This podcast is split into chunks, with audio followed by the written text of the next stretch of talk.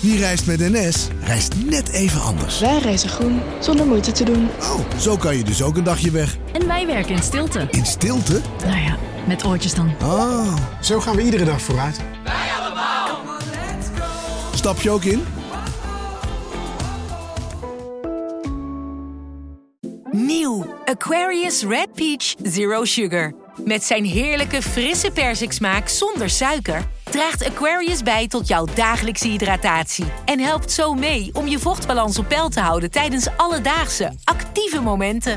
Thuis, op het werk of onderweg. Ook verkrijgbaar in smaken lemon en orange. Probeer hem nu.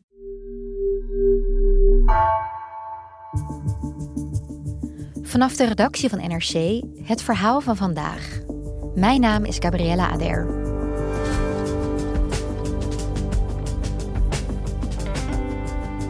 Tuvalu, een klein land in de Stille Oceaan dat bestaat uit meerdere eilanden, wordt langzaam onleefbaar door klimaatverandering. Veel inwoners zijn het land ontvlucht, maar een officiële vluchtelingenstatus is er voor hen niet. Correspondent Mijke Weijers sprak met enkele van hen die in Nieuw-Zeeland zijn neergestreken. Hoe kijken zij naar de toekomst van Tuvalu? En waarom krijgen zij geen vluchtelingenstatus?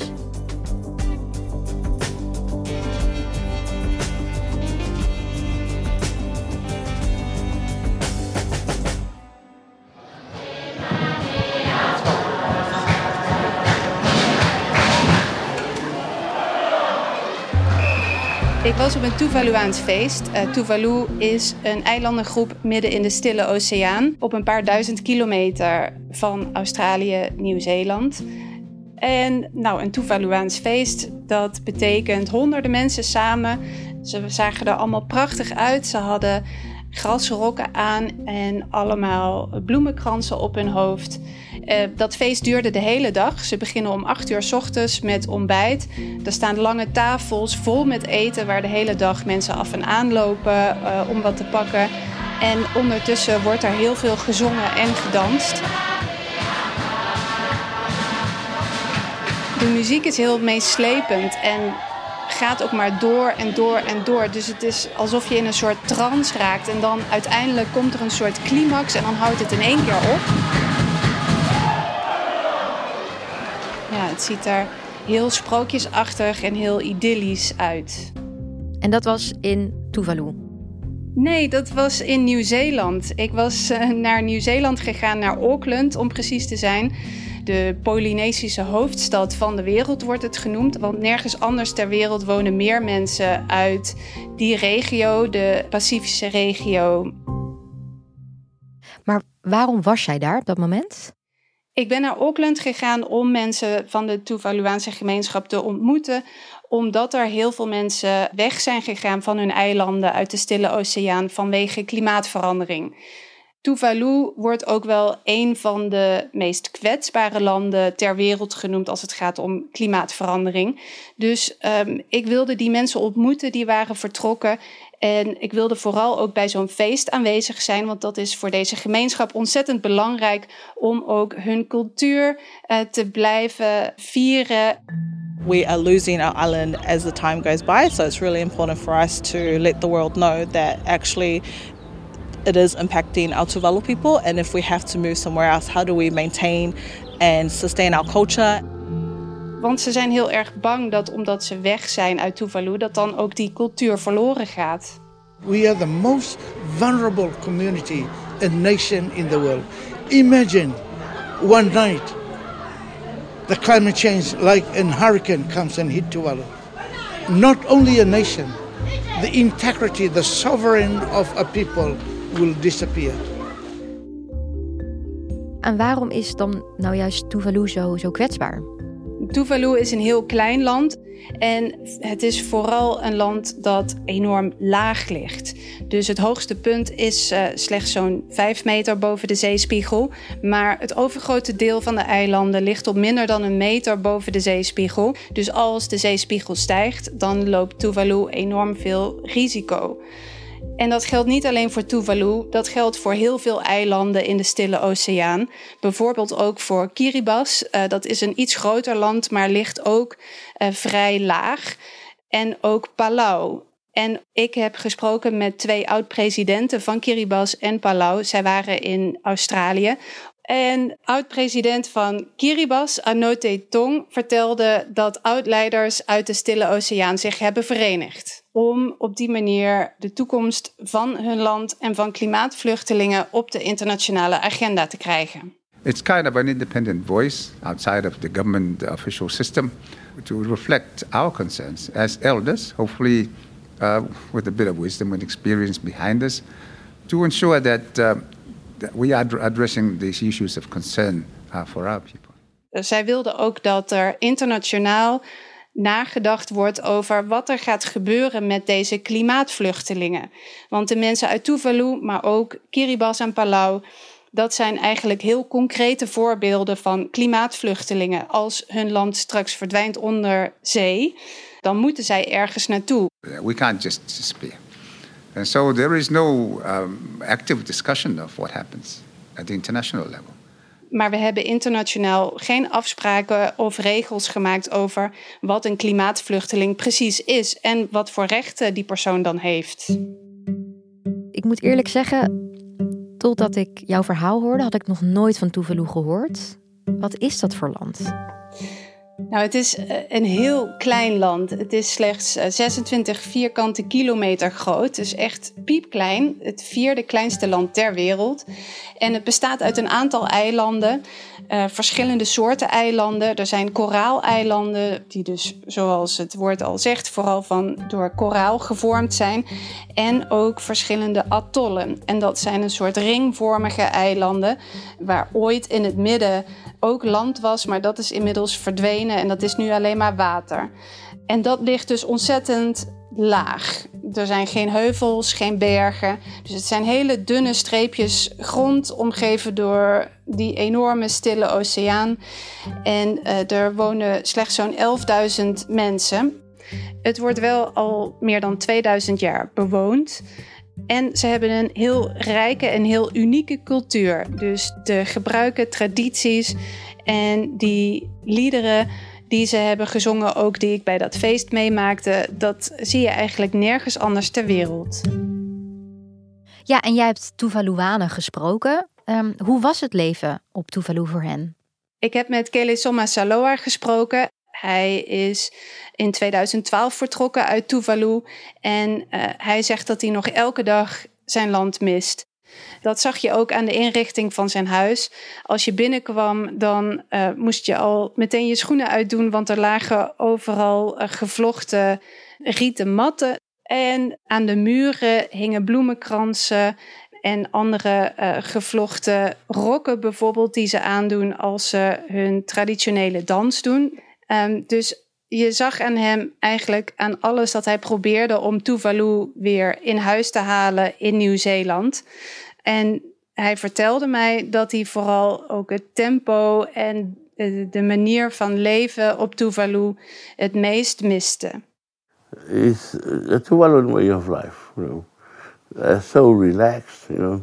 And when you come there, you learn all your names in only one day. You will know all of them. So we, we, we're just living like in one big, big family, you know. Ja, Meike, je vertelde al dat Tuvalu net boven de zeespiegel ligt. Ja, welke kwetsbaarheden ondervindt het land daardoor? Het feit dat Tuvalu zo ontzettend laag ligt, betekent dat het enorm kwetsbaar is voor die stijgende zeespiegel. Dat zien ze nu al, omdat de zee steeds meer van het land wegsnoept. Uh, en daarnaast, als er tropische stormen zijn of cyclonen, orkanen, die zijn tegenwoordig veel heftiger dan ooit tevoren. En die kunnen dus met gemak een heel stuk van een eiland wegvagen. Dat is ook al gebeurd. Twee van de negen eilanden van Tuvalu die zijn al grotendeels onder water verdwenen. En daar woonden eerst wel mensen? Daar woonden eerst mensen inderdaad. Dus de gevolgen zien ze nu al jarenlang, maar het wordt ieder jaar erger. Bijvoorbeeld ook bij de extreem hoge springtij, zo'n twee keer per jaar. Kele Soma Saloa die zei dat hij zich juist dan ook enorm veel zorgen maakt als hij in Nieuw-Zeeland is, omdat hij weet dat zo'n grote vloedgolf um, ja, die, die kan gewoon zijn, zijn huis en delen van de eilanden uh, totaal wegslaan. Every king tide it occurs around March and September. And people are saying, oh, this never happened before. Mean, some of these houses were never flooded before. Now they get flooded. So I was saying to myself, oh, I think it's really happening. Maar nog voordat die eilanden helemaal verdwenen zijn vanwege de stijgende zeespiegel, zijn er ook veel andere problemen die zich voordoen. Het zeewater dringt namelijk ook door diep in de grond, naar het grondwater. Tuvalu is daarom nu bijna volledig afhankelijk van regen voor hun drinkwater, omdat het grondwater verzild is. Daardoor groeien hun gewassen ook niet meer goed. Dus ze moeten steeds meer importeren. En daarnaast regent het steeds minder vaak. Dus eh, ja, je hebt of van die enorme tropische stormen, of het is maandenlang droog. Het is zelfs uh, sinds afgelopen week is er officieel de noodtoestand uitgeroepen, omdat het al zo lang droog is. Ze zijn toen gevlucht. En waarom Nieuw-Zeeland? Mensen zoals Saloa die willen wel graag enigszins in de buurt blijven. Nieuw-Zeeland is op zich een land dat uh, vrij open staat voor mensen uit de Stille Oceaan. Daar uh, hebben ze een vrij rijke gemeenschap, ook Polynesische gemeenschap. Dus daar vinden ze ook wat gemakkelijker aansluiting. En ze kunnen daar iets gemakkelijker aan een visum komen. Uh, meestal is dat dan om te komen studeren of een werkvisum. Want een visum voor klimaatvluchtelingen, dat bestaat nog niet. Maar in Nieuw-Zeeland zijn ze iets meer welkom dan in een land als Australië bijvoorbeeld, waar het uh, nog wat ingewikkelder is om een visum te krijgen. Ja, dat lijkt me echt super heftig om van een klein, relaxed eilandje, hè, ondanks alle, alle klimaatveranderingen, ineens naar een stad als Auckland te gaan. Hoe is dat voor die mensen? Nou, veel mensen hebben daar wel veel moeite mee. Dus de mensen die ik op dat feest sprak bijvoorbeeld, die vertelden dat het een enorme cultuurshock was. When I had left Tuvalu, I had arrived in New Zealand, it was such a huge culture shock. But I've noticed that individualism is kind of the standard, whereas in the Tuvaluan culture, everything you do, you have a part to play, but it's for the betterment of the collective. Um, and you know, over here, it's, it's not really the same. Um, and I think. En Kele Somma vertelde me dat uh, hij het en heel ingewikkeld vond om zich aan te passen. En tegelijkertijd voelde hij zich als een soort verrader tegenover zijn land en zijn familie die in Tuvalu is achtergebleven.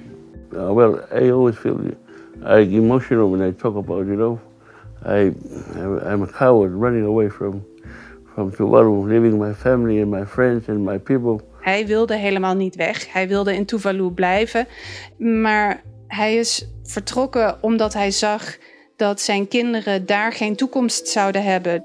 I felt that you know I betrayed my my own people, my my country for, for running away from Tuvalu.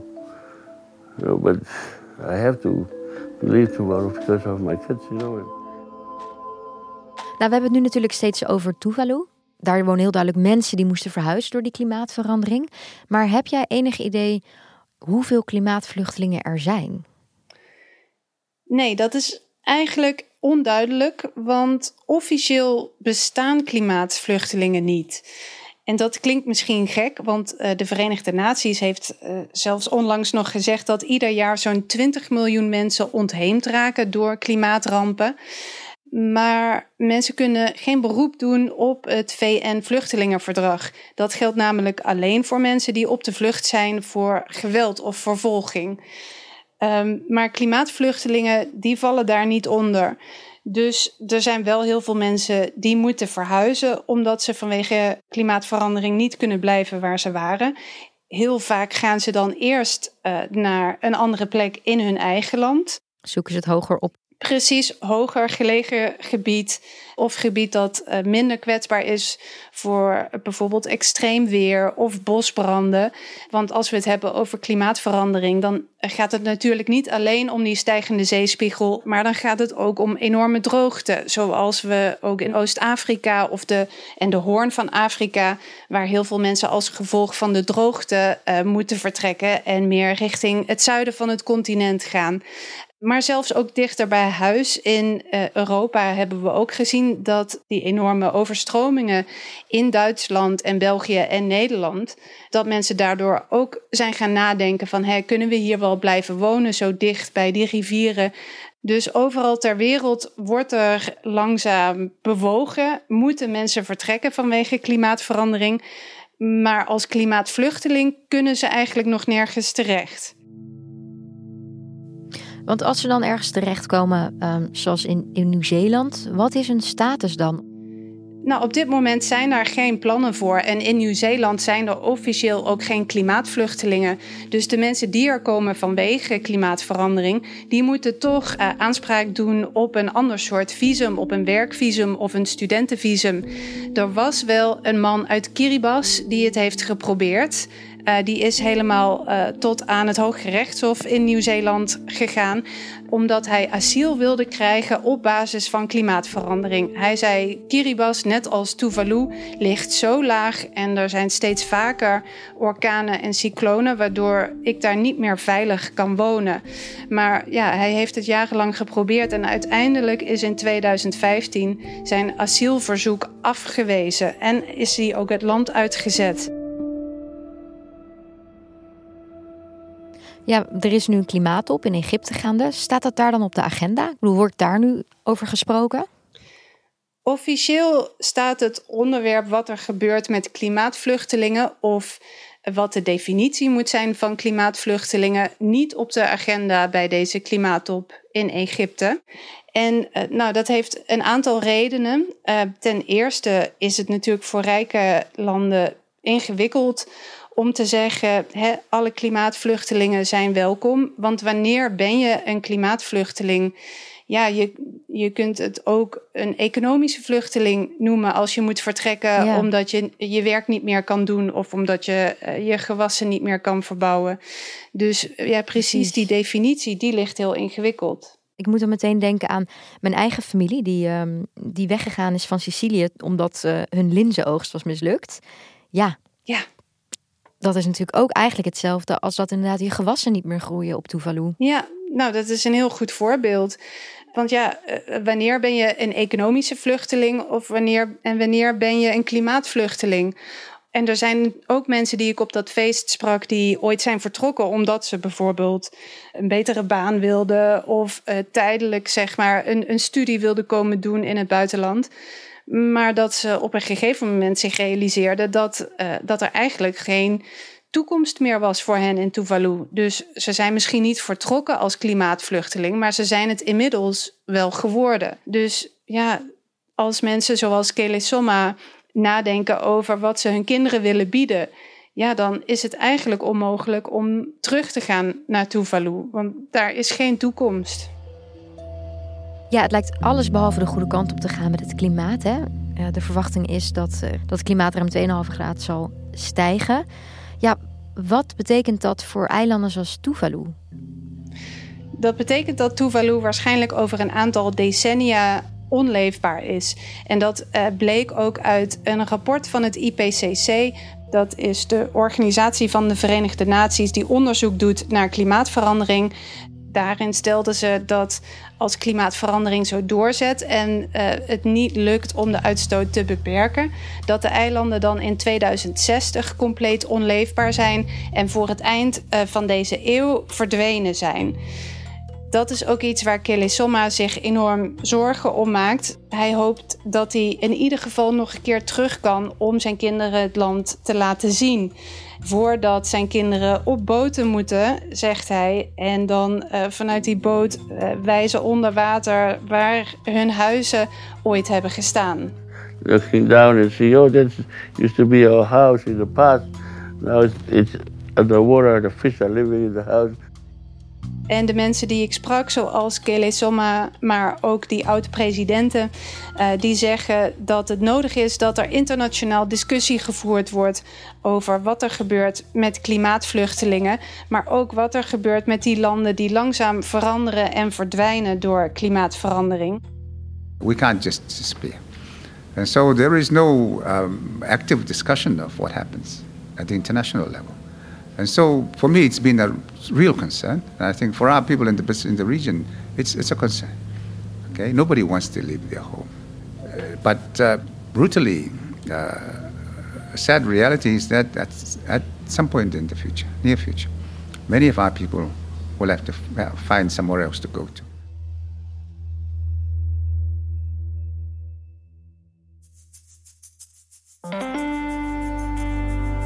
Je luisterde naar vandaag, een podcast van NRC. Deze aflevering werd gemaakt door Ruben Pest en Jeppe van Kesteren. Dit was vandaag, morgen weer.